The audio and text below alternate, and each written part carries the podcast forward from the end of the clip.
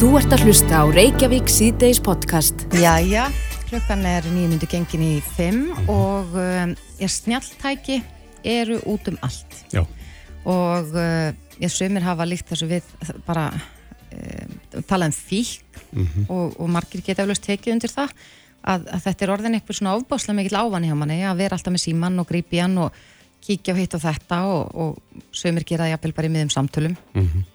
En uh, síðan hefur líka verið talað um að það sé holdt að taka sér frí frá svona hlutum Já við sögum nú frá því hérna í svona litlum móla af rannsók sem að síndi það að þegar að háskóla nema dróðu úr nótkun á snæfælismiðlum og þá jógst ánæja, minni deburð og, og slíkt.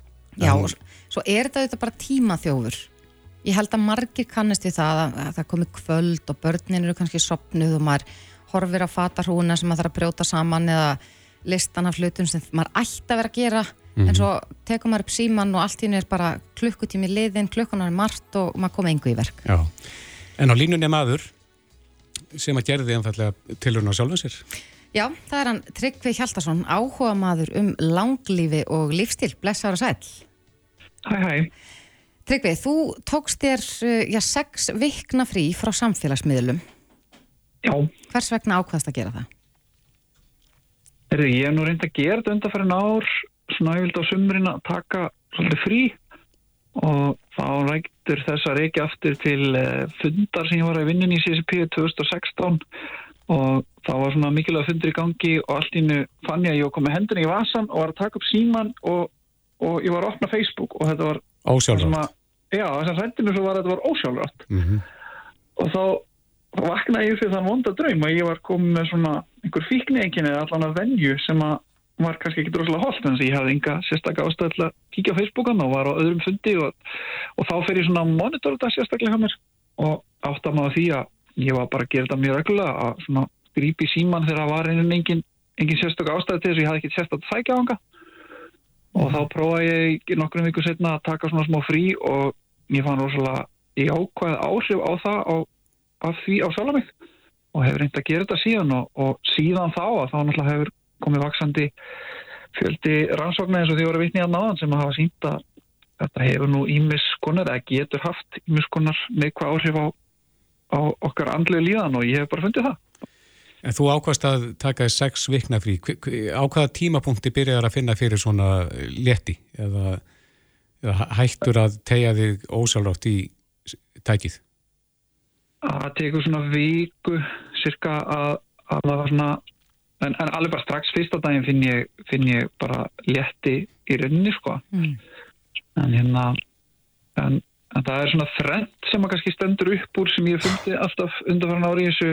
Uh, fyrsta er svona brotakent hugsun. Hún mingar rosalega. Og, og þá ég við að sagt, maður er kannski einhverju fyrir sér eða taka einhvern hugsun og þræða einhverju samtali og, og það bara, þeir brotna minna upp. Þegar maður er minna í þessu svona þessu brotakenda álægi sem að hérna, sem að þessi dopamin algoritmar í eins og Facebook og Instagram og svona eru smíðar í kringum Mhm. það, það mingar rosarætt uh, hitt er náttúrulega bara þetta sem ég var að lýsa á hann þessi venjukend að þörfa að grípa alltaf í síman þegar maður hefur enga ástæðu til þess og, og þriðja sem að ég skrifa nú mikið um hérna fyrir nokkrum árum er þessi ákvörðuna þreita sem að mig gruna nú að sé að stöðla svolítið að uh, þessu sem að verið kallað burnout já. Segðu okkur aðeins betur frá henni. Já, það, það er búið að skoða það marg oft að, að hérna, þegar þú veist að renni í gennum eins og tökum Facebook sem er stærsti samfélagsmiðlan í Íslandi þá erst að taka alveg bara mörg hundruð litlar ákvarðanir í hvert skipti sem þú ferð og kannski tekur 20 minna skroll Mhm. og þetta þreytir mann rosalega mikið og brýtur niður svona viðnástrykk akkvæmt í að taka aðrar ákvarðanir og fólk kannast örgla við það allan, að gera ég það þegar ég fór að kynna með svona rannsóknir og, og, í kringum þetta ef þú tekur langan samfélagsmiðla rúnt þá getur bara einfaldar þú ert að taka kannski heimahöður eins og bara hvað í kvöldmöndur verið bara rosa yfirþyrmanda því þú ert bara búin með svolítið ákvarðana bensinni og það er það sem að lúski orku þjóðurinn sem að þessi samfélagsmiðlar geta tekið að manni ég, og þetta hef ég alltaf fundið alveg rosa breyting á þegar ég tek mér pásu í sérstaklega nokkra vikur Mhm. að þessi svona ákvörðuna þreita, hún er bara hverfur alveg Já, en það lítur líka að vera mikill munur á bara uh, sko, áreitinu yfir daginn. Já, Finnur þú muni í, í því að, að, að vera ekki, já til dæmis alltaf að, að fá einhverja tilkynningar að einhver hafi lækað eitthvað á Facebook eða, eða... Já, það er undar mörg ár síðan ég slökti alveg því. Ég, ég ekkit af samfélagsmiðlunum mínum leiði að hafa nýna tilkynningar. Þannig að ég, ég finn nú minna fyrir því að það var á tímabili sem að ég, mér fannst það einmitt ekki þægilegt. Tók það bara út. Man, man getur stilt þetta árið frika þægilega í dag eftir bara svona hvað, hvað þú vilt fá mikið árið í dag. Mm -hmm. En þú hafði þá nægan tíma. Hvað, hvað kom í staðin? Sko ég held að svona aðal uppskeran er flerri gæðastundir með fjölskyldinni sem er ekki svona rofnar af, þú veist, maður er kannski út að hjóla með, með krakkan eða, eða þú veist, út í fókbalsta eða heima að lesa með með eitthvað og þá, þá er maður bara ekkert að grípi síman á milli, ekkert að skoða hann eða kíkja á hann og, og finnur heldur ekkert svona kláðan í það. Og mér finnst það ótrúlega þægilegt, þannig, þannig ég held að gæðin í heilsinni bara svona jökust í svona venjulegu stundum sem er oft svo merkilegar sko. Mm -hmm. en, en hvernig er það síðan út af því að, að ég sagði nú frá þetta náðuna að, að eh, ég rakst á bara uh, status á Facebook hjá þér þar sem þú sagði að þú væri komin aftur hvernig er að koma aftur inn í heiminn eftir sko sex vikna frí í burtu? Já, já til dæmis mér finnst að, að ég setti nú hennar status í gær og, og hérna þá fekk ég einhver 20 messenger skilaboð bara innan klukkutíma eftir að mm -hmm. frá svona fólki sem ég hef ekki teilt í svolítið tíma sem greinlega þá sá statusinn og svona já, herruðu, ég ætti kannski að vera að heyra í trygg og þannig að það var bara svona smá eins og setja sjálfa sig aftur á radarinn og hérna það var alveg mjög ábyrgandi bara strax, bara innan klukktíma frá þessi statuskoma þá, þá virkjaðist rosa mikil samskipti sem að höfðu kannski verið í svona ákveðni lagð núna í, í sumarsfjónum Erstu þá komin að fullt aftur? Nei, nei, ég er nú ekki búin að vera mikið á, á samfélagsmiðlunum síðan ég byrjaði í gæri aftur og það nú bara telst nú bara einhverjum örfá mínutum en þá, og þannig að haldi þessu heilbriði, en, en ég, er heldur ekkit á þeim stá, ég hef aldrei verið það, ég til að þetta sé einhver upprinn og rót alls íls að því að samfélagsmiðlunum er alltaf bara eftir í hvernig maður notar á, geta verið tækið til góðs og, og slæms, en ég, ég, ég fundi fyrir því svona á og til að vil eitthvað kannski svona eitt og hálft ár fyrir mig að, að þá finn ég svona herði, nú er nú er þetta maður ekkert rosalega heilbriðt neyslu minnstur hafa, nú er það fint að taka smá pásu.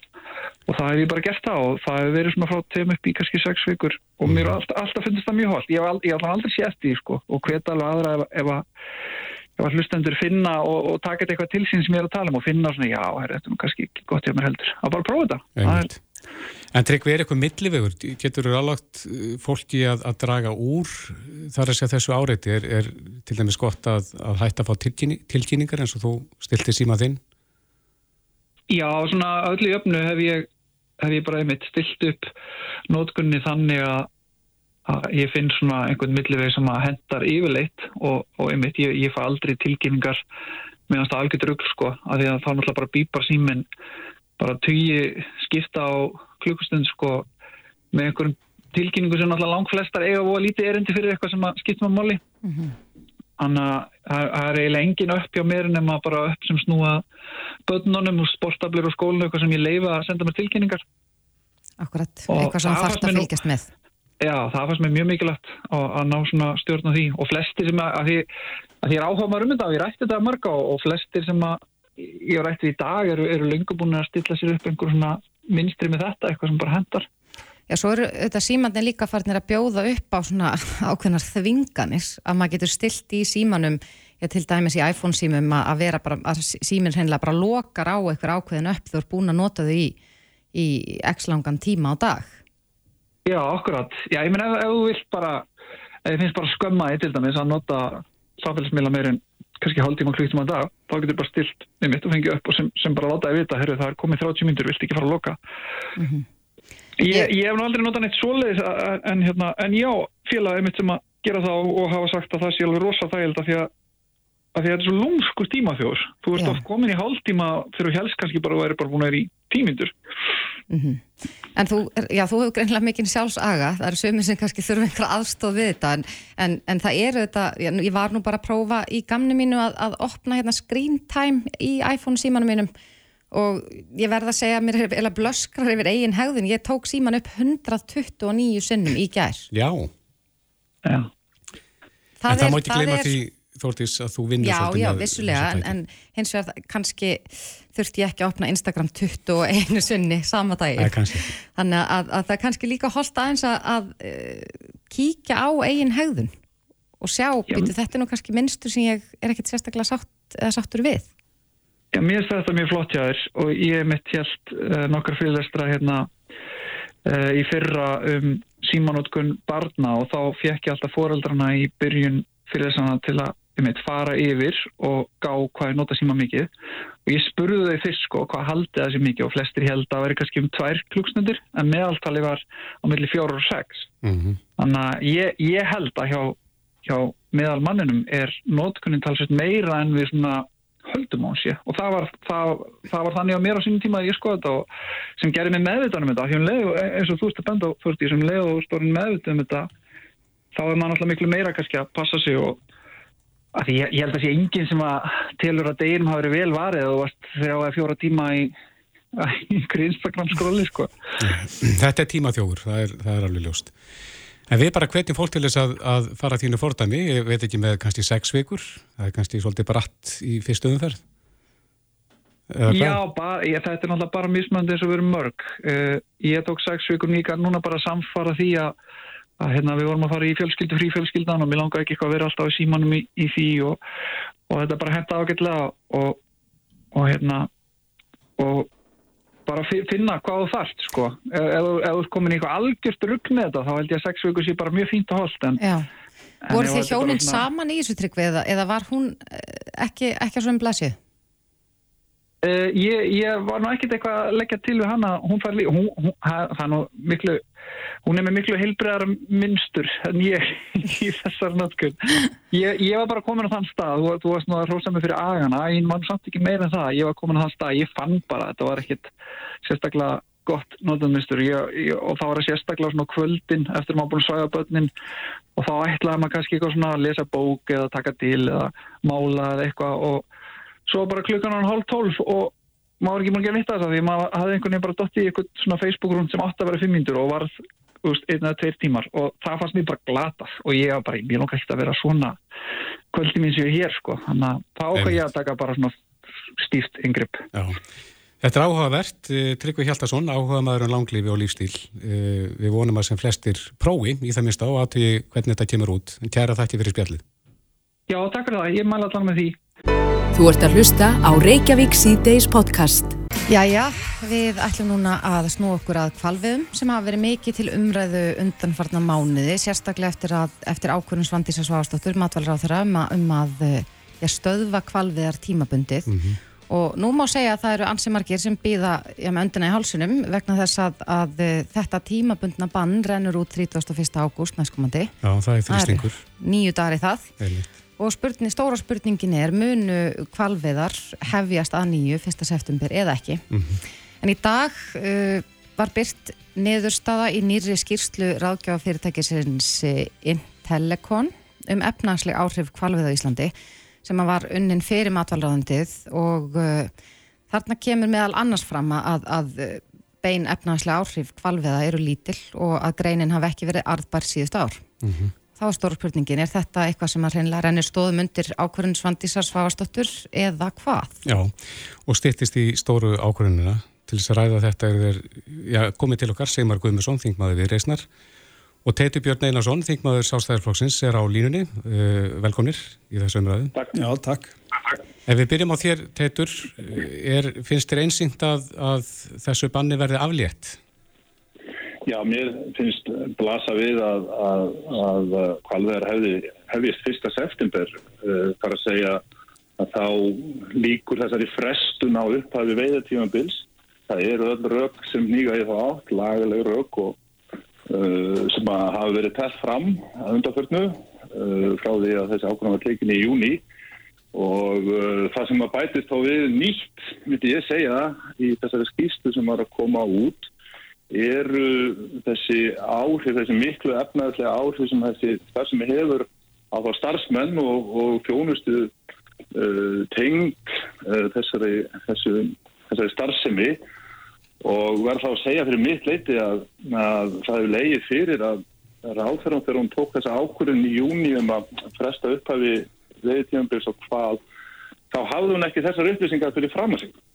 Hún gæti ekki svara því hver áhrifin yrðu á þá yfir 120-150 starfsmenn með þessari fordamalösri ákvörðun sinni og uh, hafið þá engu réttmæta væntingar bæði starfsfólks og, og, og hjósasmanna fyrirtækisins og gat, getur þar meðan ekki borðið í við að meðalhóf hafi verið haft að leðaljósi við svona aðtriðaveríka ákvörðun. Mm -hmm. Það er það sem að með því svona þær upplýsingar sem koma fram í þessari skýslu staðfesta það sem að hitt er svo annað mál að, og blasir auðvitað við og, og þessi skýsla staðfestir það sem að heldur öllum átti að vera algjörlega ljóst og hefur svo sem verið tekið saman uh, meðan hans frá Hagfræðistofni fyrir einhverjum árum síðan. Að auðvitað eru kvalveðar ekki þannig þjóðhægsleg það er ekki þannig þjóðhægsleg áhrif á kvalveðum að það skipti hér sköpum fyrir efnahag og atvinnulíf landsmanna. Það hefur alltaf alveg leiðið fyrir mm -hmm. en það hefur þessi deila ekki beint snúist um það hún hefur snúist um það uh, atvinnufræðsi stjórnaskrárunar er rétt herri en einhver gett átt að vilji ráðfæra sem fer út fyrir lögbundan heimildi sína til reglíkjarasetningar. Já, Sigmar, lítur þú þetta mál sömu augum eftir að, að þessi skýrsla eh, byrtist í morgun? Nei, þessi skýrsla er náttúrulega svolítið að segja okkur ef menn vilja tala bara um þetta út frá einhverju þjóðhagslegu mikilvægi eða út frá krónum og aurum að, að, að kvalveðar eru atvinnugrein sem að ekki á rétt á sér. En ég finnst verið alltaf sagt að uh, fyrst þurfum við að svara þessu með dýravelferina áður en við förum að takast áfum við hinn rökin vegna þess að við getum aldrei notað það sem rök fyrir því að kvelja dýr. En það voru rökin fyrir þessu banni. Já, já, við getum aldrei notað það sem rök fyrir því að kvelja dýr að uh, við séum að græða svo mikið pening á því að við getum kasta dýravelferinni til hliðar. Mm -hmm. Ég var sammálar niðurstöðu Svandísar á sínum tíma en ég hef alveg tekið undir með því sem að til dæmis Teitur hefur verið að halda á lofti að það eru þetta ekkert sérstök stjórnsísla að koma með þessa ákvörðun deginu, ákvörðun deginu fyrr þegar að fólk einmitt mótti alveg hafa réttmættar vendingar til þess að það var að fara að stimpla sér inn í vinnuna morgunin eftir. Það var nánast verið að leysa landfestar þegar að, þegar að, að hérna, öllu var frestað. Mm -hmm. Eh, en sko við verðum fyrst áður en við höfum að takast á um þessi þjóðhagslegu rauk að, að svara spurningunni getum við veitt þessi dýr á mannulegan hátt og ef við getum það ekki þá skipta hinn rökin í sjálfu sér ekki miklu máli. Við erum alveg á þeim stað árið 2023 að, að dýravelferð skiptir máli. Hvað segir við því, Teitur? Hef, hefur eitthvað breyst í, í þeim álum þar sem dýrar, dýravelferð að hlutanum? Nei, það sem likur alveg fyrir í því máli er að það er álit matálastofnunar sem að þeir með eftirlit með þessari starf sem er eftirlit með lögum um dýravelferð sem að sló því fyrstu í mæmániði að þessar veiðar væri í samræmi við lög það er væru í samræðinu þá reglum að valda ekki dýrum óþarfa þjáninga við veiðar og það álit fagráð sem kom svo setna hakkar ekki uh, mínum mati uh, því áliti matalastofnuna sem er rétt bæft stjórnvald í málunu. En það kann að vera rétt sem Sigmar segir að það að ræða frekar í atriði snúa dýra velferð og breyting á þeim lögum Mm -hmm. Þá skulum við þau gera það á réttum vettfangi sem er á alþengi Íslendinga en ekki í skúmaskóti ráðuneytis þar sem að um, þessi mál hafa ekki fengið, fengið til í eðlega umfjöldum. Nei, en Teitur, er, er eðlilegt að þínu mati og, og, og réttlætanlegt að hefja veiðar að nýju áður en að niðurstaða er komin í það mál? Hvað var þar dýra, dýra velferðina? Ég segi að það, hérna, svo svo staða sem er upp snýra dýravelferðinni er nokkuð ljós í mínum huga. Eh, það er þetta álið matalastofnunar um að lögum velferð dýra hafi ekki verið blotið með þessa úttæk sem var gerðar í fyrra. Eh, álið fagráðs eh, sem kom setna með í júni, það er ekki halbært, halbæri niðurstaða. Það var ekki rétt stjórnsísla, það var ekki virtur andmalaréttur, það var ekki verið að leita eftir ólengur sjónamiðum með slíku og uh, það var ekki kallað eftir afstöðu fyrirtækisins. Uh, þetta tel ég að sé nokkuð, sé nokkuð ljóst og það sé ekkert annað í stöðun en að, en að veiðar hef ég startið 1. september þegar þessu einkynilega tímabili ráðarans reglugari líkur. Mm, þetta er auðvitað náttúrulega líka þannig að það var nú talað um það að þessar veiðar væru ekki í, í hérna andalagana Það var nú nefnt uh, á sínum tíma líka og við skulum halda því til haga í þessari umræðu og svo heyri ég það að teitur eru opna á það að úr því að e, sem sagt e, kröfur um dílavelferð séu með þeim hætti að það standist ekki núvarandi lög að þá sé bara best að breyta lögunum. Ég kann illa við þennan hugsunahátt verði að segja vegna þess að það hefur ekkert komið fram um það að lögin um dýravelferð séu hérna eitthvað bróguð eða eitthvað þess áttar menn þurfa bara umfallega að, að hérna að standast þar kröfur sem að gerðar eru, menna við gerum ákvæmna kröfur þegar verðum að slátra dýrum í sláturhúsum og annað og við hljóttum að gera það líka við veiðar eins og við erum búin að vera að fara í gegnum. En ég átta mig svo sem alveg á því að, að, hérna, að það sé verða gaggrina þessa ákvörðun en að svandísar því að þetta bara, bara, þetta bara mjög brátt að. Ég held, held eins og að pólitíski veruleikin sé sá að sjálfstæðisflokkurinn er búin að tala sér upp í stjórnarslitt ef að veiðum verður ekki framhaldið og það sé erfitt fyrir eh, teit og félaga að bakka út úr því. Það bara hefur eh, leigið í orðan að hljóðan að þessu samstarfi við verði ekki hægt að halda áfram ef að, ef að veiðan verður ekki heimilað, heimilaðar á ný. Og ég get ítla að séð hvernig, ef við höldum áfram að tala um pólitíska veruleika, ég get ítla að séð hvernig Svandís geti e, haldið sínum trúverðuleika sem ráþæra og sem hérna, þingmaður Vafgi eftir það sem á undan er gengið ef hún myndi síðan allt í einu bakka vegna þess að það er ekkert í ytra umhverfinu hvað varðar dýravelferð sem að hefur breyst þó að komið alltaf inn einhver skísla núna um, um þjóðhagslegt mikilvægi sem að reyndar rennir þá stóðum undir það að vegum ekkert að vera standa í þessum veiðum. Mhm. Teitur, hvernig bregst þú við þessu? Nú, nú hef, hafa byrst fréttur og ekkert fyrir svo löngu síðan að meðal annars formaði sjálfstæðarsflokksins og fjármálur á þeirra sagði að þessi ákvörðin hafi sett stjórnarsamstarfið já, allt í loft upp verður aftur snúið ef að, ef að ákverðun, uh, ef hún tekur aftur ákverðun um að, að stöðva veðnar? Það sem að sjálfstæðarslokkurinn hefur verið að gera er að benda á að ráðfæra uh, hafa ekki þar heimildir í lögum að ganga fram með þeim hætti sem allar áður að gera í júni að stöðva heila atvinnustarfsemi á heila engum lagalögum grundvelli sem að fær staðist skoðum þar sem að meðalfólksregla stjórnsýslu og stjórnskipunar er hver brotin, ekkert gert úr réttmættum væntingum, rámt lesið í uh, gögg frá undurstofnunum og, uh, og mál tekið í einhverjum, einhverju flítið eða fum, fum, hérna, einhverju fumátt á einni nóttu að einum degi. Það er þetta atrið sem við erum að gaglina. En hvað gerist heitur ef, ef hún framlengir bannið? Atrið freysi stjórnarskrárunar og mm atrið freysi fólks hefur bara meira vægi en svo. Já, en hvað gerist ef hún framlengir bannið? Hvað þýðir það fyrir stjórnarsamstarfið? Við höfum okkar krafa sjálfstæðismanna hefur verið skýr frá fyrsta degi að við höfum skorað á hana að draga þessa ákvörnum tilbaka. Hún er bersinilega, nefnir mér algjörlega fullir það ólögumætt og mun baka ríkinu skadabóta skildu uh, þegar það mér sækir það var líka um lætu mm. uh, og er, hún hefur einfallega ekki þar heimildir samkvæmt lögum til þess að framlengja áfram frestun á upphæði veiðtímabils það bara, það næri ekki nokkri átt. Þannig ég hef enga trú á því að uh, það verði raunin. Ég tek þá ráður hana orðuna hún, hún og hennar ráðunetti hafið þurft tíma til þess að fara yfir einhver ákveðin atriði þá er snúa lögum um dýravelferð og framkvæmt eftir að veiða.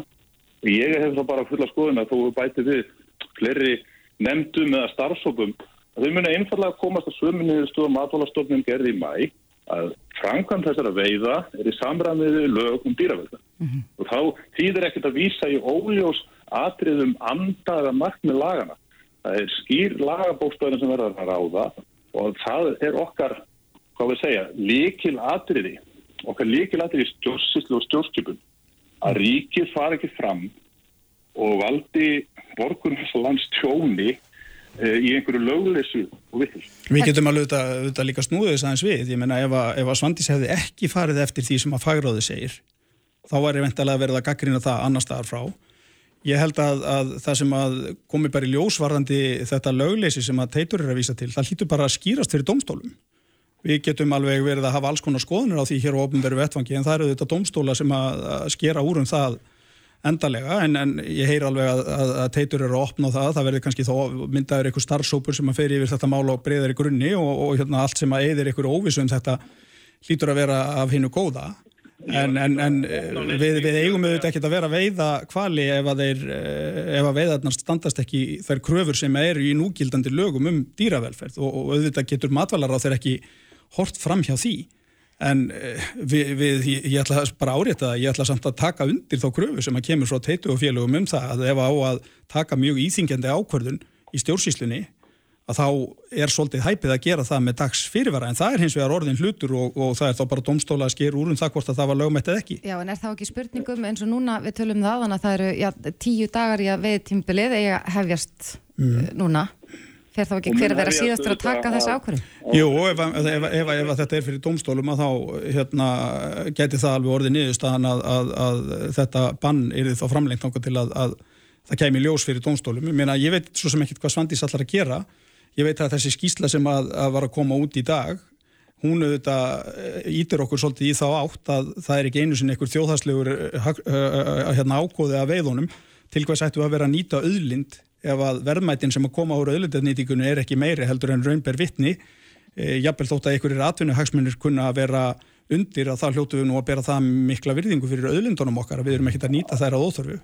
Þannig kemur aðrið sem að ég er ekki samála og, og þetta er enda bara mjög mikilvægur punktur að, að það heimlaði mínum það að gengur ekki upp að ef það er maður áþæra eða einhver stjórnmálaflóks að einhver tiltekinn aftunistar sem er ekki sé ekki að skila nægilega miklu arðsemi eða sé tapir þetta árið þá sé einfallega komin heimil til þess að, að banna slíka starfsemi auðvitað er að þannig að það eru ymsar atvinnugreinar og starfsemi sem eru ekki arðbærar.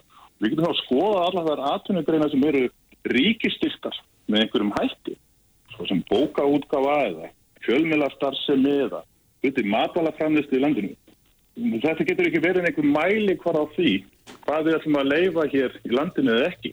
Og það getur ekki verið mæli hvarði uh, hvert er inntak atvinnufrælsis ákvæði stjórnarskránar. Þetta gengur ekki upp mínum huga. Nei, nei, það eru þetta kannski dónstóla þá að skera úr um það en það er kannski ekki hægt að líka saman öðlindanýtingu og bera það saman þá við einhverja bókaútgáðu eða eitthvað þess það er kannski það sem er punkturinn minn að þegar við erum á annar borð að nýta öðlindir að við erum öll sammálum það að þetta er öðlindanýting mm -hmm. en það er ekkert sem segir það að við þurfum eða eigum að nýta allar öðlindir og þá fer þetta ekki endilega bara snúast um heimild ráþæra til að stöðva eða fresta veiðum heldur bara það hvað allþingi Íslendinga vil gera. Já. Já, ég vil bara benda á það að á nýjunda og áttunda áratúr síðustu aldar þá var sjáurútúðunar reikin í byllandi tapi. Það gerir það ekki verkum að við færum ekki þeirri auðlendanýtningu.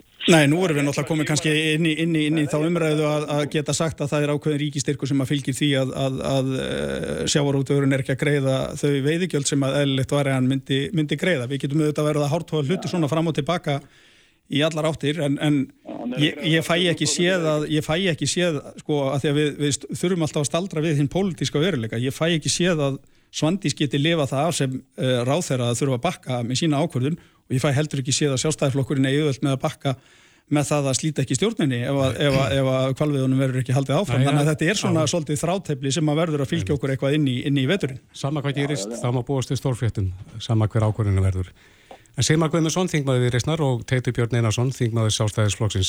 Kæra þætti fyrir komina. Takk, takk. Þetta er Reykjavík C-Days podcast. Reykjavík C-Days heldur áfram.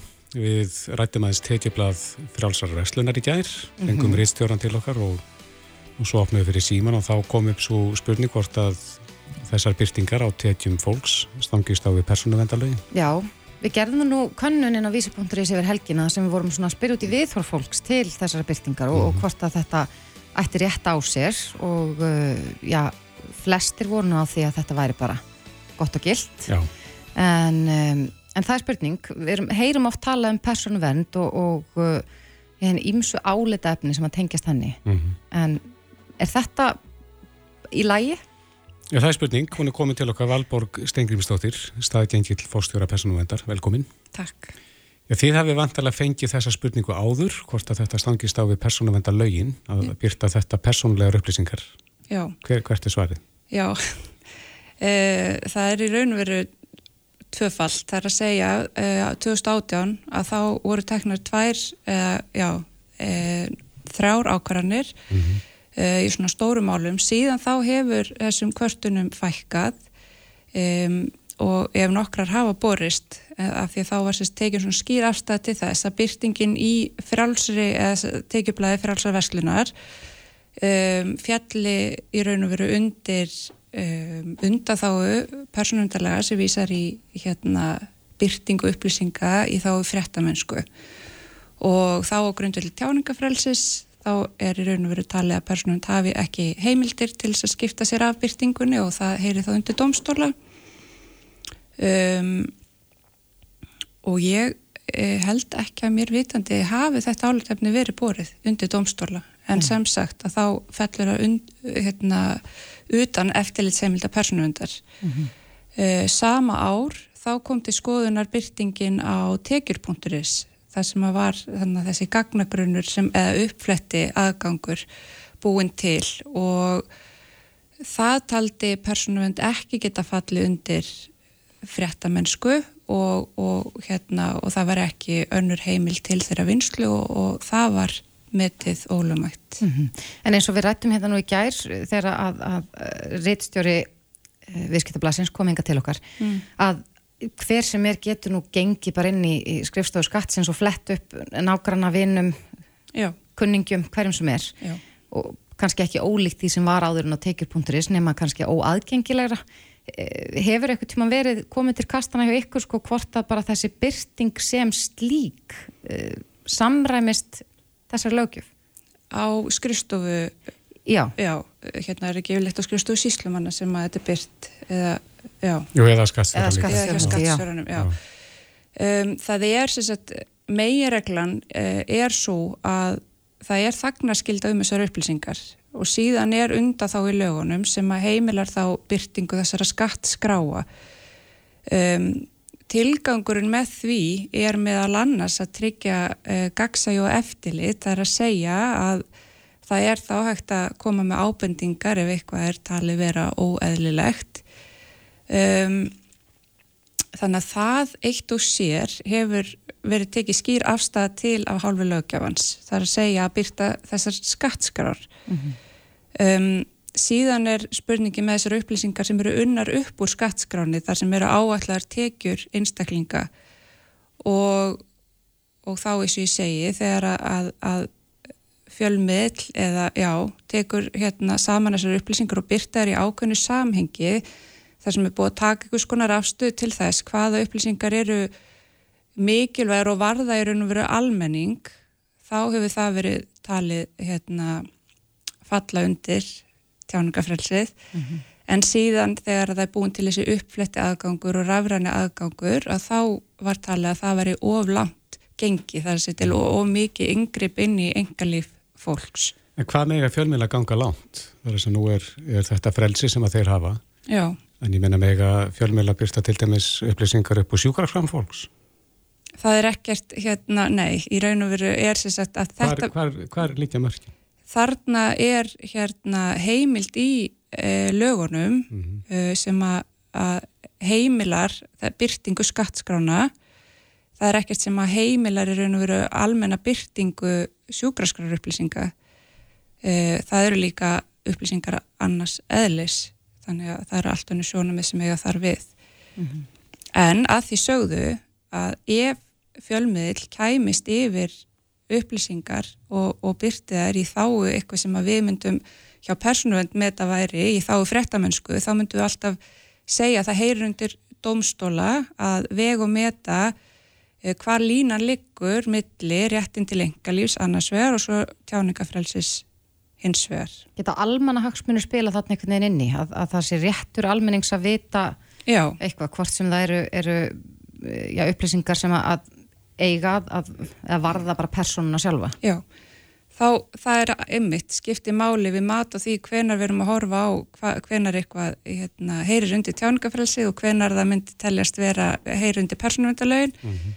Að, að ef að, hérna, að fjölmiðl hefur lagt mat sitt á eitthvað varði almenning að þá höfum við talið að það sé ekki okkar að skipta okkur að því heldur myndi það maður heyra undir domstóla mm -hmm. er gengið og langt eða ekki Fáið þið uh, upplýsingar að það er að segja fyrirspötni frá fólki sem að er við, í þessari stuða það verður að byrta þessar upplýsingar og það vil fá úr því skori hvort að þetta sé rétt eins og ég segi þá hefur lítið bóri á því frá árunni 2018 og þegar að við hérna, eða hjá persónuvend voru teknar þessar stóra ákvarðanir um annarsvegar tekjublaði og hinsvegar tekjupunkturis mm -hmm. og neðustöðuna þar byggðust síðan á dómi mannreittindadómstóls Evrópu frá árunni áður og, og þar var farið ítarleira ofan í þetta mat af því þar var einmitt um að ræða að hérna í Finnlandi voru, var fyrirtæki sem að, að tók saman þessar upplýsingar um skatt einstaklinga úr einhvers konar skattskrám og áallega tekjur. Og þar voru byrtar í, í finsku dagblæði mitt á pappirsformi upplýsingar um uh, tekjur yfir miljón finskra skattgreinda og síðan á þeim grundöldi var annað fyrirtæki sem að bauð upp á þessa þjónustu, þú gast sendin í eitthvað þjónustunum með nafn, bara einhvers einstaklings og fengið tilbaka svarum þá skattuupplýsinga viðkomandi og mannestundardómsvöld Európu fór þá mjög hérna, ítalega ofan í munin sérst á þessari byrtingu á bladi annarsvegar og síðan svona rafrætni nótkunn upplýsingarna af því að þa þannig rafræn nótkunn sko er alltaf meira yngripp og allt, allur svona uppfletta aðgangur mm. um, og þá var einni talað um að af því þetta, hérna voru upplýsingar svona margra skattgreðenda þá hefði umfangi líka veitt vísbyrtingu um það að þarna hefði þetta dagblad mátt, því hefði mátt vera ljóst að byrtingu upplýsingarna var ekki yngungu í þá fréttamennsku að mm. það var svona ekki búið að leggja eitthvað sjálfstætt mat og hvaða upplýsingar skiptu máli og vörduði mitt almenning og hverjar upp, upplýsingar gerðu það ekki Já. En svo eru nú einhverju sem getur haldið fram að, að, að já, fjölmjöla gerir sér mat úr þessu allan þann tíma sem að það má byrta þessu upplýsingar, maður fyrir að nánast hvaða vefmiðl sem er í dag og þá er nú alltaf einhverja fréttir upp úr tekið blaðinu, heldur að, að það mun einhvern veginn koma til kasta hjá einhver að já, dreifingin er ekki lengur bara í þessu eina blaði sem er selgt í ákveðin tíma heldur, er þetta komið ansið víða? Þá myndi aftur koma til skoðunar þessi sama undan þá að þá eru þetta fjölmilar sem er að meta það svo að þetta hafi hérna, eitthvað vægi, þetta hafi eitthvað frettavægi, varði almenning með einhverjum hætti mm -hmm. og, og þá myndi við í öllu falli held ég ekki taka það til skoðunar. Nei, þannig að rétti fjölmila er ansið ríkur. Já, sko hvað okkur var það hjá persónuvenda því að eins og ég segi, svo er annað, það er líka hægt að bera þá undir domstóla hvenar fjölmjölar tegja sér of langt þannig mhm. að það hérna, er, fari, þú veist að skörunin við friðhelgi engalífsrörðin of mikil en það er bara ekki persónuvendar að taka ákvörðun þar um. Og hefur ekki enn komið til kasta dómstóla? Varandi tekjublaði þá ekki svo ég muni til Nei. Nei. Já, þetta svara nú spurningunni að allavega því það við já, þessa afstöði málinu allavega í þessum, þessum ákvörnum frá 2018 mm -hmm. að, að þetta stangast ekki á við persónund þegar að, að tekið blæði byrt Já, allavega það heyr ekki undir eftirlit stopnarinnar Já, Valborg Stengrinsdóttir staðgengill forstjóra persónuvendar Kæra þakki fyrir komina Takk fyrir mig. Þetta er Reykjavík C-Days podcast Á síðasta þingi var nú mikið talað um, um heimildir lauruglunar. Mm -hmm. um, nú berast frettir af því að hér að uh, saksóknir er að rannsaka hvort að íkveikja í bíl lauruglumanns hafi verið hemdar aðgerð gegn lauruglumanni mm -hmm. og það verðist vera, já, má segja nýr veruleiki, maður veit það nú ekki alveg en, en um, já, lauruglumann vilja nafnlind að einhver leiti en það er spurning hversu hvernig því er framfyllt og, og, og hversu langt hægt er að ganga já. til þess að tryggja uh, já, öryggi meðal annars. Einmitt. Eh, Fjölnir Sæmundsson, formar landsambaslörglumann er mættu til okkar velkomin. Takk fyrir. Er þetta eitthvað nýr veruleiki að, að það sé ráðist svona að, að heimilum fólks? Já, sko, mér finnst allavega þetta doldið svona það mesta sem við heyrtum. Íkveikja í bíl fyrir Íkveikja í bíl. hús. Reyndar sko, byrjum að geta þess að það var kveikt í, í bíl hjá, hjá honum Eithóri, hérna saksóknar á, á Akureyri fyrir nokkur mhm. árum Já, einmitt og hérna, þannig að þetta hef, hefur gerst áður en hérna, já, mér finnst þetta sko tóltið tóltið einstaklega og mér sko, mér finnst þetta heldur ekki bara beina sko á lauruglumanninum, heldur þetta fjölskyldunni mm -hmm. og öðrum íbúðum húsins og ef þú kveikir í bíl fyrir utan segjum hún búið í fjölbíli sko, þá er nú fleiri hætt en bara, bara þessi einstaklingur sem vinnur, vinnur þetta starf. Mm -hmm. Eru lauruglumenn uggandi yfir þessari þróun? E, já, ég myndi að segja þeir séu það og, hana, og þessari þróun, sko, þessari, þessari aukinu hörku og hann mhm. sko, ég, ég held að þú veist, mér hafði laurugla verið bara hótað á fyrstu vaktin í lauruglunni en, en maður hefur svona kannski tekið að sko hótanir sko sem kannski innantómar sko, ef, ef ég er í heimilisóbeldi og er handtaka húsráðanda og hann segir ég drefði á morgun, þá kannski tekið svona minna mark á því en ef ég er að yfrir eitthvað sko, sem ég veit að er í skiplari glæpastarfsemi mm. og segir bara ég læti drepa þig það er svona það er spurning við hvað aðstæður eh, þetta er sagt og, og, og, og hvar mm -hmm. og eins eins og ég hef sagt sko að þú veist lauruglumenn er að stoppa bíla reglulega bara í almenn eftirliti þá, þá er það að finna vopn og það svona auðvitað sko segir manni að, já, að þeir sem hafa atvinnin sína að glæpum virðist vera vopnast og kannski þú helst gaggar hver öðrum eh, reiknaði með en, mm -hmm. en þeir eru vopnar, það eru greinlega ekki harkað í gangi mm -hmm. Það segir hér í frétt að vísi að það hafi verið stungi á dekk, bílar hafi verið rispaður og, og svo tekið þetta dæmi þar sem kveikt var í bíl lauruglukonu fyrir utan heimil hennar er, eh, er í öllum tilvikum rannsaka hvort að já, það hafi verið tilviljun að stungi sér á dekk hjá lauruglumanni eða, eða eins og núna er þetta á já, borði hér að já, já, já, það er nefnilega kannski doldið erfitt ef það er búið að stinga á dekkur utan húsi hjá mér í fyrramálið þá veit ég ekkert hvort það er eitthvað krakkar í næstu götu eð, eð, eða eitthvað annar þannig að margt að þessi er auðvitað erfitt að vita nákvæmlega um hva, hvað er sko. erfitt að upplýsa erfitt að upplýsa og, mm -hmm. og jáfnvel þó ég, þú veist, haldið svona þú veist að eitthvað sé spældur eftir yfirreyslu og bílið minni rispaði daginn eftir þá þá þarf ég náttúrulega bara eiga myndir á því sem að mm -hmm. hefur gerst en, en það virðist vera að það hefur á einhvern nátt tekist að upplýsa þetta máli eða það sé einhver gangur í þessari rannsókn mm -hmm. En, en það, nú velti maður í fyrir sig vegna þess að, já sko svona mest allar upplýsingar sem ég geimi í kollunum um, um laurugluna er eitthvað mm. sem ég sé í bíómyndum já. en smæð samfélagsins og Íslandi hlýtur líka að, að skipta þarna sköpum við erum auðvitað lítið samfélag þar sem að, að oft talaðum að allir þekki alla Já, einmitt Sko samfélagsins líka þetta skiptir máli sko, hversu raunhæft er að vera lögurklum á Íslandi að vera nafnlaus. Auðvitað er það kannski ekki mjög raunhæft en, en þá er krafan samt svo að það þurfi ekki endilega að standa á lögurklu í skýslunni hvað ég heiti. Þú lögurklunúmerið mitt standi það sé þá að reykja alveg hvað ég gerði eftir númerinu. Og það er þannig í dag, það er ná misræmi. Ég mæti sem vitni fyrir dóm sem lögurklumæður þá er ég bara að spyrja um lögurklunúmer ekkert annað.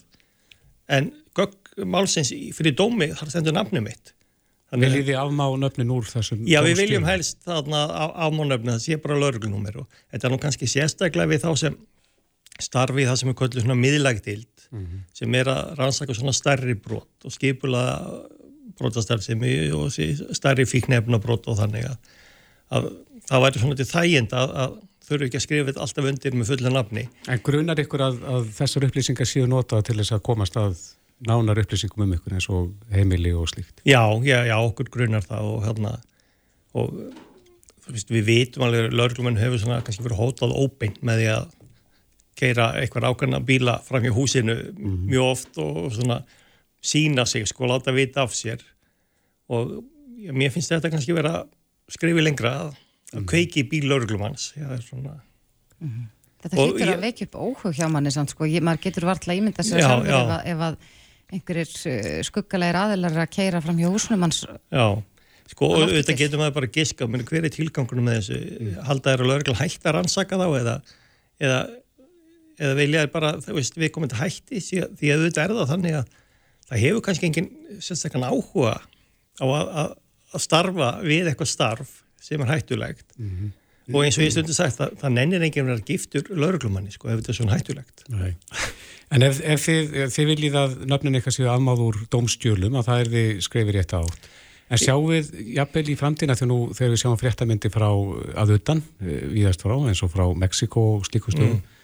að þar eru lauruglumenni við leitt huldir eða andlitir við lauruglu aðgerðir er, er það eitthvað sem að þið myndu vilja sjá? Það er sko reyndar byrjað á Íslandi, þú yfirleitt ef þú sér sko ljósmyndir að sérsveitinni við störf, þá eru þeir með, með grímur Það er ástæðið fyrir því. Já, og ég með dættunni huga að það var hérna aðgerð það var svona samvinna við pólski yfirvöld. Og það komi pólski lögurlum til landsins. Mm -hmm. og þeir séu það kemur ekki til greina að vera nema með hettur, þeir ætlaðu ekki láta neitt þekkja sig. Er þetta veruleiki sem við erum að fara að sjá hér að lauruglum verði þá með Ég, ég get alveg, alveg trúa því í svona, svona húsleitum og einhverju slíku en auðvitað er það ekkit raunhæfti yfirreyslu, þú þarfst að, þú þarfst að tala við, mm -hmm. við viðkomandi. En, en lausning geti líka verið svo að það er bara yfirmaður skráður fyrir öllum rannsóknum. Að það sé bara einhver eitt skráður og sem er bara sko, Grímur Grímsson er ekki að fara að fela sig úr, úr þessu. Þannig að þú veist þannig að auðvitað tekur þetta líka þá einhver ár að þróast. Mm -hmm. En þetta ætti nú ekki, e, e, þetta hljómar allavega eins og tiltölulega auðvelt mála að leysa að, að sko taka nöfnin úr skýrslunum. Já, já, það gerir það en ég veit ekki hvort það leysir þessar, þessar hótanir og, og slikt sko. En að því þú vísaðir sko til lítið samfélag og allir það ekki alla sko. Við erum auðvitað komin með sko brótahópa hér á Íslandi sem hafa engin tengsl í Íslands samfélag. Veist, þeir voru ekkert í skóla með einhverjum eða eru frendi eitthvað eða, eða þannig. Nei, en, en ég var nú líka bara veltaði fyrir mér á þann að sko 99% íslensku þjóðarinnar eru á Facebook já, já. Og, og já, kannski ekkit margir sem heita til dæmis fjölinir. Nei, nei, ákvæmlega, ég er nú einna fáanlörglumani sem er nú bara í símaskráni þannig að það er þá Já, þannig að það er ekki, það er ekki erfitt að finna fólk Nei, það er, er ekkit erfitt að, ekkit, nei, ekkit erfitt að finna fólk en, en hann að það er kannski samt, þú veist já, lauruglan er, er sko, þú veist er með hlustanir, þeir eru með eftirfarir og alls konar. Það er kannski ótvarfi að, að sko, brota maður viti nákvæmlega hver stóði því mm. ef hann vil hefna sín á þeim sem er að sko, fylgjast með honum. Mm. En ef, ég kemst aldrei hjá því að það sá sem er að tala við hann um ábrotið í, í skýslutöku, hann auðvitað lítur að sjá hann og lagmaður hans sér hann og. Þannig að þetta er svona, leysir kannski eitthvað hlut ekki, ekki allt vandamáli. Ég held við getum aldrei verið alveg nafnlaus á Íslandi og, og svo auðvitað hefur fólk sem rétt, uh, ég hef sagað um, um ábrót, það hef ég auðvitað mér rétt líka að fá upplýsingar í málinu. Mm -hmm. En það gæti kannski, já, einhver leiti þá minkað ógnina? Gæti minkað ógnina og svona, það eru íminslega sem við gerum sem bara eigur öryggiskend okkar, jáfnveil, sko, þú veitum ekki alveg hvernig, hvernig það virkar en, en, en það eigur kannski öryggiskendina, sko. Mm -hmm. eh, hversu mikið mál er það að ná þessi tegna að afná? Ég held að það sé ekkit mikið mál, það hljóttur bara að vera einhver, ég, vil bara reglu gerða breyting, sko. Já, það snýst bara um að breyta einhver inn í svo kvöldu lauruglu kerfi. En hafið þið rætt þetta við dómsmálar á þeirra til dæmis? Það hefur nú gegnum tíðina já verið, verið sendt bref á dómsmálaráðanitið og sko hluta þessari vinnu var að, að þetta var gert í domstólunum en, en einhvern veginn skilu svo eftir hjá, hjá lauruglinni. Já, en, en eh, já, síðasti dómsmálur á þeirra sem var á undan Guðrun Hafsteinsdóttur, hann laði nú fram frumvarpum um þessar forvirku rannsóknarheimildi sem náðu ekki að ganga í gegn á síðasta þingi, en, en þið eru ennþá eh, já, talsmenn þess að, að þetta verði, þess að verði komið á lakirnar. Já, ég held sko það, það hjálpi mikið við þess að sko skipluðu brótasafsinu og ég held ofta fólk fatt ekki alltaf sko, hvað er átt við skilbjörður brotastarfsemi. Nú vinn ég í kynfélagsbrotateild og, og, og þar getur forverka rannsóknarheimildir nýst gífurlega vel til að fylgjast með þeim sem er að skiptast á barnaklámi til þess að netinu. Að því að sko ef, ef mig grunar í dag, já, einhver er mögulega að þarna selja barnaklámi eða eitthvað, en ég er ekki með eitt mál í höndunum. Þá vantar mig forverkar heimildir til að fylgjast með honum eða ykkur í bandaríkunum byður okkur um að fylgjast með okkur um Íslandi. Við höldum að hann sé hluti af einhverjum uh, svona hring, barnanýðinga og þá þurfum við forverkar heimildir til þess að segja, herri já ok, við ætlum að fylgjast með þessu manni. Og þetta er alveg eins í öðrum brotum, það kemur einhver þektur, já maður frá Hells Angels eða eitthvað og við segjum hann allar örgulega búið til samtök hérna. En hann er ekki með neitt brot. Og, og þá segjum við viljum fá að fylgjast með, við viljum fá að vita hvernig hann hittir við viljum að vita hvað hann er að gera hérna. Þetta snýstoltið um, um þetta. Og... Þegar þið heyri síðan hérna pólitíkus að tala um það að, að þetta getur hugsanlega verið notað í pólitískun tilgangi. Já, einmitt. Hvað, hvað finnst ykkur um, um það að það sé verið að blanda þessu saman? Já, sko, ég, ég skil alveg þessa prinsipspurningu að þarna óttin við að láta fylgjast með sér. Ég, ég skil það fullkonlega, sko. Mm -hmm. En, en mér finnst stundum eins og okkur langar að búi miklu betra samfélagi en við búum í, sko ég held, held að það sé alltaf þannig. Mm. og það verðist einmitt vera já, stjórnmálamenn óttist mjög mikið að veri fylgst með sér og, eða, eða einhverjir sem er að, að mótmæla einhverju. Sko ég verður bara að segja að það er bara mjög ólíklegt að nokkur maður hafi tím í það En væri hægt að geta meðarhófs í þessu út af því að nú hafa, já til dæmis pýritar talað um þetta gangir hennilega langt að þetta, þetta ógni bara fyrir þelgi engalíks fólks að, að, að það sé hægt að fylgjast með hverjum sem er út af nánast engu. Engu, já. Væri hægt að, að, að ta- taka þetta í skrefum? Ég, já, ég þekki, það er nú kannski hægt að taka eitthvað skrif í þessu og leifa eitthvað ákveði sko. En já, ég veit ekki sko. Þetta þarf aðalega að passa við lög í öðrum, öðrum löndum sko. Að þessi heimil til þess að skiptast á upplýsingum. Það er það í rauninni sem er svolítið verið að kalla eftir. Ísland er þetta veiki hlekkurinn svolítið. Já og Ísland eru þetta, þú veist, við vitum það alveg, sko, fíknefnin sko, koma utanfrá, veist, það er bara búið að segja fréttir að því að líklega komu fíknefnin frá Brasil í gegnum spán til Íslands. Þetta eru þetta alltaf alþjóðlega keðja og þú veist, það er búið að segja eitthvað sögur að líklega kemur eitthvað amfitamin basi frá Östur-Európu. Þannig að Ísland er, þú veist, getur ekkert verið breytt í þessu og, og, og þetta er alþjóðlega glæpir. Akkurat. Já, það verður for, forvitnilegt að fylgjast með þegar þing kemur saman að nýju hvort að, hvort að eh, já, þessar forvir, eh, forvirku rannsóknar heimildir verða aftur á dagskrá Mhm. en Fjölinni Sæminsson, formaður landsfærs lauruglumanna, við fylgjumst áfram með því hvort að, að þið fáið hvort að svarinu verði kallinu verði svarað í Guðanabænum Takk kærlega fyrir komuna Takk fyrir. Reykjavík síðdeis á Bilginni podcast. Það er ekkit langt síðan að- uh, við byrjuðum að versla eins og vindurinn á netinu og uh, já, ég held að margar konur og eflust karlar kannast við það að hafa nú kannski farið inn á einhverja netverslun og sé eitthvað ægilega fínan kjól eða peysu eða hvað sem er, bara flík Einmitt. pantað og fengið sendt heim og svo máta maður og þetta er bara alveg skelvilegt á manni Mhm. bara sniðið fer mann ekki eitthvað slíkt en uh, okkur skilst það að sé komin lausn við þessu vandamáli Já. Anna Gunnarsdóttir, Anna og útlitið er komin til okkar, velkomin. Já, hæ. Já, þú ert kynna, þú ert að kynna til leiks uh, einhverja nýja lausn, Já, nú eru loksins komið með þetta í app, KateCut, Kate Club. cut.com. Þá er það þannig að þú setur inn í appið og ert heiðarleg að þeir fyrst einbyttu okkur á konum, aðeins erfiðara menn og þarna til að auka sjálfströst þeirra og nákvæmlega eins og ert, það ertu bara flott en nákvæmlega eins og ert. Þannig að fólk þarf að, að konur þurfa þá að mæla sig. Nei, það þarf ekki að mæla Nú. bara að það finna hvar, hvar herpur á og eða þú veist hvar fítan sest fyrst á til dæmis eða hvað er að, ertu með óstuttanháls, ertu með ólanganháls eða ertu á löngu í mitti, það finna þetta. Þannig að forritið hjálpa þeim áfram út úr veikleikum þeirra og leggja á slóstyrkleika þeirra þannig að sjálfsörgið skín hjá þeim og það verður miklu minni skilatíni hjá þjónustu aðlum Sem að til selja föt. að- Já, það að- passa þetta ekki. að og þá að bara fyrtar þetta. Já. og þú merkir sko hvað að gera við þetta? Svo er það líka þannig að þú ert að geta að tekið mynd af flíkinu sem átt þegar. Hvað þarftu að bæta við?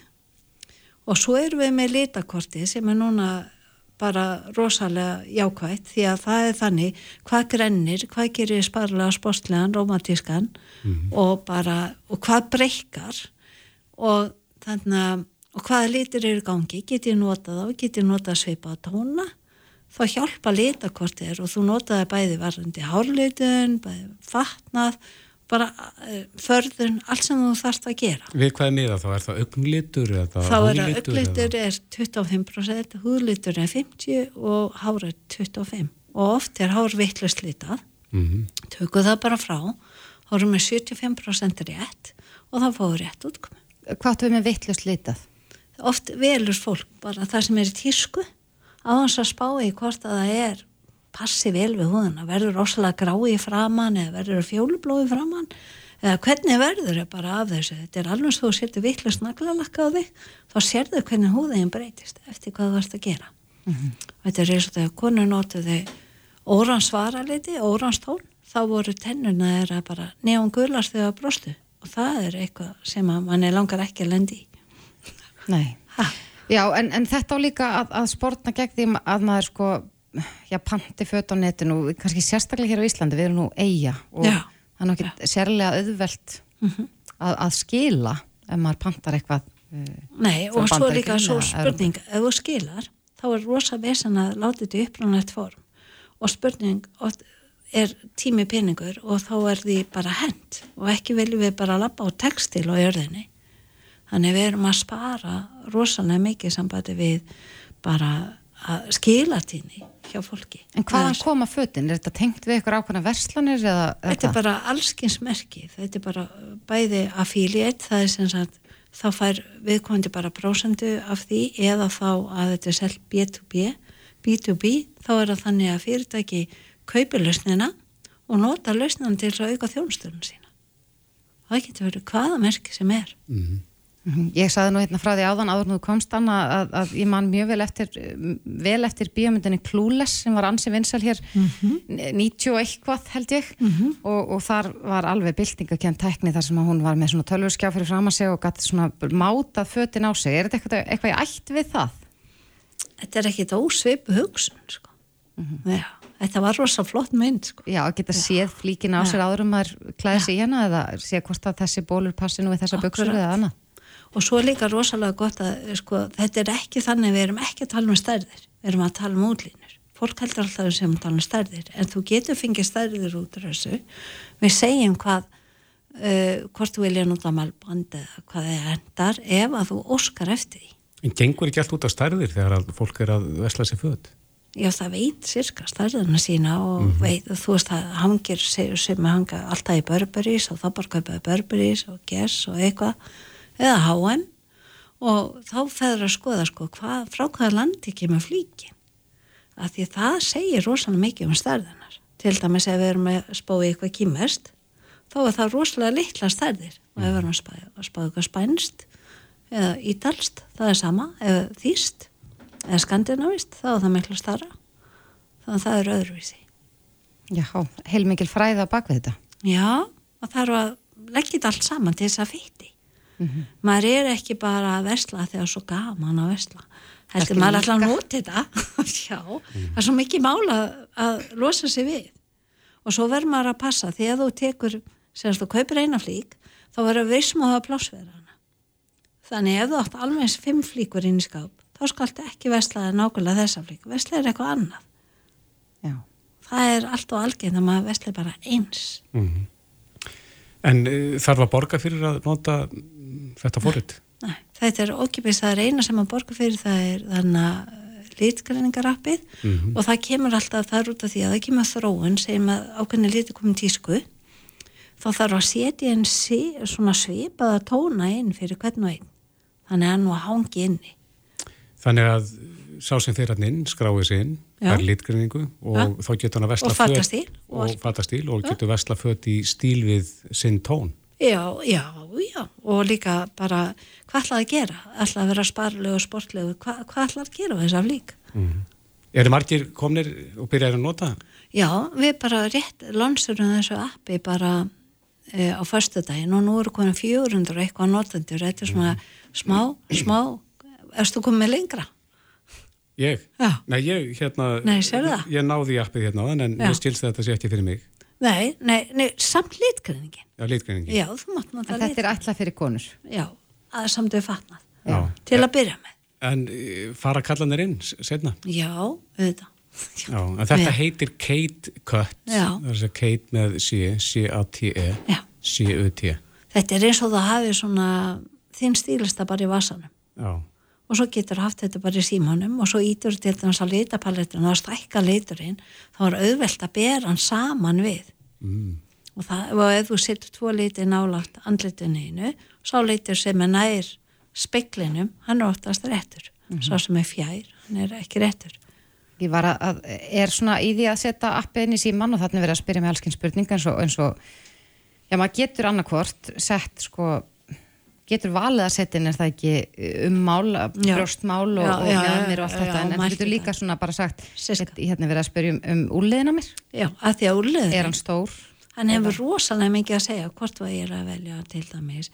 Fylgirlutin er það stór eða litlir, eða munstri stórt eða lítið, bindið og munstrin er stórt eða lítið, það fyrir alltaf eftir úrliðinum, að því að ef að maður er alltaf stóru munstri til dæmis, þá kemur bara fyrst munstri og svo personan það er ekki sneft þannig ef að maður er með stóran úlið þá þarf maður rosa stórt skart og þá er maður svolítið dýr. Expensive. Já, ég veit ekki hvort að ég sé bara ein af þeim sem er mjög illa meðveit um, um sjálf mig, ég átta mig ekkert á því hvort að úrleður sé, Þú ert svona medium, nú er ég að horfa. Þú eða, ert eða medium. stór. Þú ert medium, þú ert Já, ekki stór. Það er búið að greina það. Búin að greina búin það, að ég er með miðlungsunlit Já, Já, þetta er aðtilsvert. Þetta uh, mun koma til með að, að hjálpa okkur. Ég hef nú séð einhverja hryllilegar myndir af sko ruslahaugum þar sem, sem eru gjörsamlega yfir fullir af textil. Já. Vegna þess að við kaupum allt og mikið af fötum og, og hendum eins og bara þegar við erum búin að nota flíkina einu sinni eða eitthvað. og því miður þá er þetta orðið þannig að núna getur aftur jól bara næstu alla daga, þú ert alltaf að fá pakka frá Amazon svo bara allar að þú er 14 pakka og allar bara að velja einn skilar mm einu, hvað þá gerum við það? Já, það er svona spáði hvað við erum að gera. Já, Já persónulegi stílistinn, beint í vasan, og beint í vasan, Kate Kött, Anna Gunnarsdóttir eða Anna útlitið, kæra þætti fyrir komuna. takk, takk fyrir mig. Hlustaðu hvena sem er á Reykjavík C-Days podcast. Jæja, heldum áfram í Reykjavík síðdeis. Í gær heyrðu við í stórskemmtilegri Valdísi Jónsdóttur sem er að tilsu fræðingur. Já, og hún sko fyrir áhuga sama vegna þess að þetta, þetta, þetta viðtal hefur vakið aðtekli við það. Já. að hún er með heimasinn á rött.is ég komst að því í gær og hún er sko doktor í þessum uh, fræðum Já, talmennafræðum og fleira. Þannig að það er hægt að kynna sig ýmislegt inn á síðununar já, hún er að reyna að hjálpa fólki og fá okkur til þess að hætta að ræsti okkur til dæmis. Já, og hún segir hreinlega bara að ratthelsa er bara líðhelsu mál og það sé bara til skammar að, að ráðamenn skul ekki einbetta sér að þessu í meira mæli. Og við reyndar, uh, heyrðum í henni eftir viðtalið í gær og þá kom hún inn á það að það er ekkert að tryggja röddina. Nei, Þetta er atvinnutæki hjá mörgum en, en ekki hægt að tryggja þetta atvinnutæki eins og mörgunur. Nei, og við vorum áhuga sem að vita þess meir um þetta og, og svona ímislegt tengt tryggingum og hún er sest hérna hjá okkur, Sigrún Þorsteinsdóttir, sérfræðingur í forvörnum hjá Vís, bless og sæl. Sæl. Já, er, er þetta áta bara við um röddina eða er það yfir höfu þannig hér á Íslandi að við getum ekki tryggt ákveðna og svona sértaka hluti? Jú, við getum tryggt rættin okkar Já, Já. og það er starfs, starfs örorkutrygging sem að fólk getur tekið. Og röttin er þar partur þannig að þetta er til dæmis mjög algeng trygging hjá tannlæknum.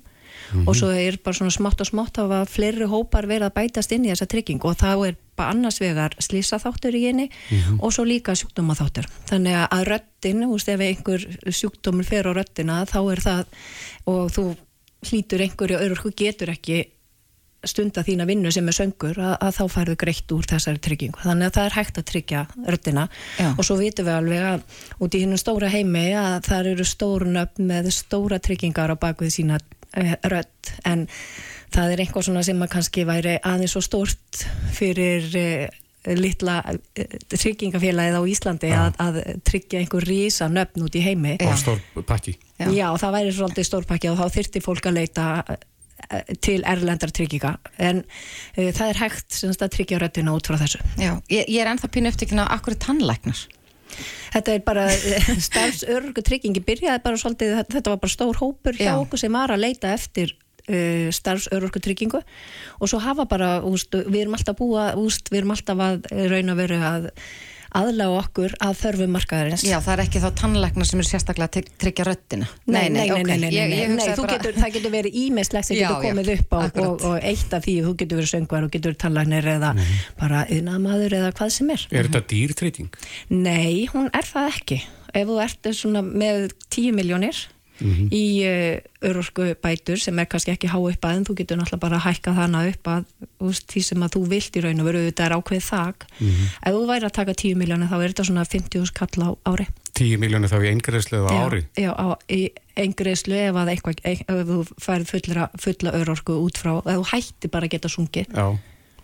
Og hvað, er gjöldin af 10 Þá er, miljónum? það verður um 50 skall á ári. Já.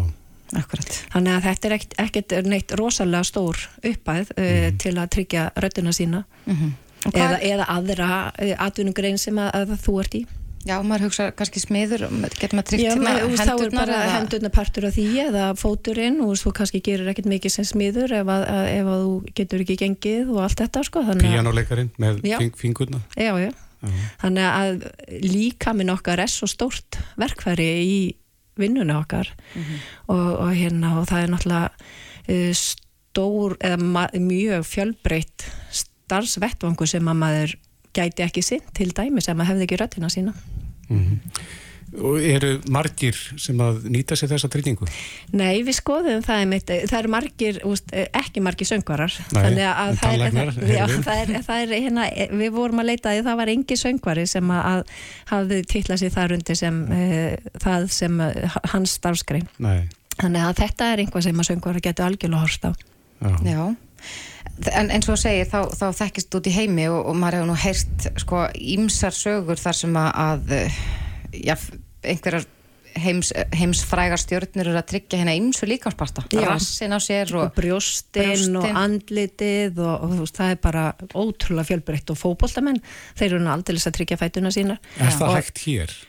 eh, Er ekki, það sama tryggingin eða uh, búin til bara ný trygging? ég myndi halda ég þóra ekki alveg að fara með það en ég myndi halda að það væri þessi sama starfsörorku trygging Já, já en, en er, nú kannski tók ég ekki alveg eftir, en er þetta algengt? Er þetta algengt trygging fyrir fólk almennt að taka? e, já, veist, það er alveg þó nokkuð margir með þessa tryggingu en ekki söngarar eru ekki með hana. Nei, nei, akkurat.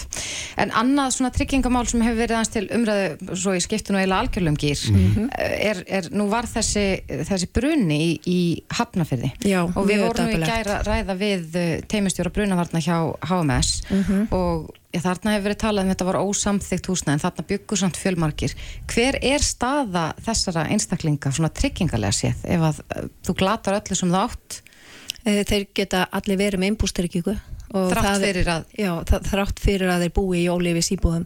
Þannig að það er val hvers og eins að taka innbústyrkingu og, og í raun og veru allir þessir einstaklingar hefðu geta verið með hana Er það dýrari tryggingar, hærri yðgjöld þegar fólk er í ósamþyktu húsnæði? uh, sko, við reynum eins og við getum að hafa áhættumatið gott hjá okkur og uh, það er miðað við, yðgjaldið er miðað við hver er áhættan og vissulega er meiri áhætta í svona húsnæði heldur en á venjulegu heimili. Og það bara gefur svolítið auga leið brunavarnir og annað þýjulikt eru oft í lamaslessi þannig að, að við leitumst við það já, að láta yðgjaldið endur spekla áhættuna Já, við nefnilega tókum eftir því gæra þarna uh, voru þetta eins og, eins og komiðu fram þó nokkra íbúar og, og sáum að hrind, var búið að hrinda af stað einhvers konar söpnun fyrir uh, þá sem að þarna byggu en voru Mhm. ekki treyðir en þá er það eins og þú segir bara valkvært fyrir hvert Já, það að er valkvært bara alveg eins og fyrir okkur að, að það er valkvært hvort að við erum uh,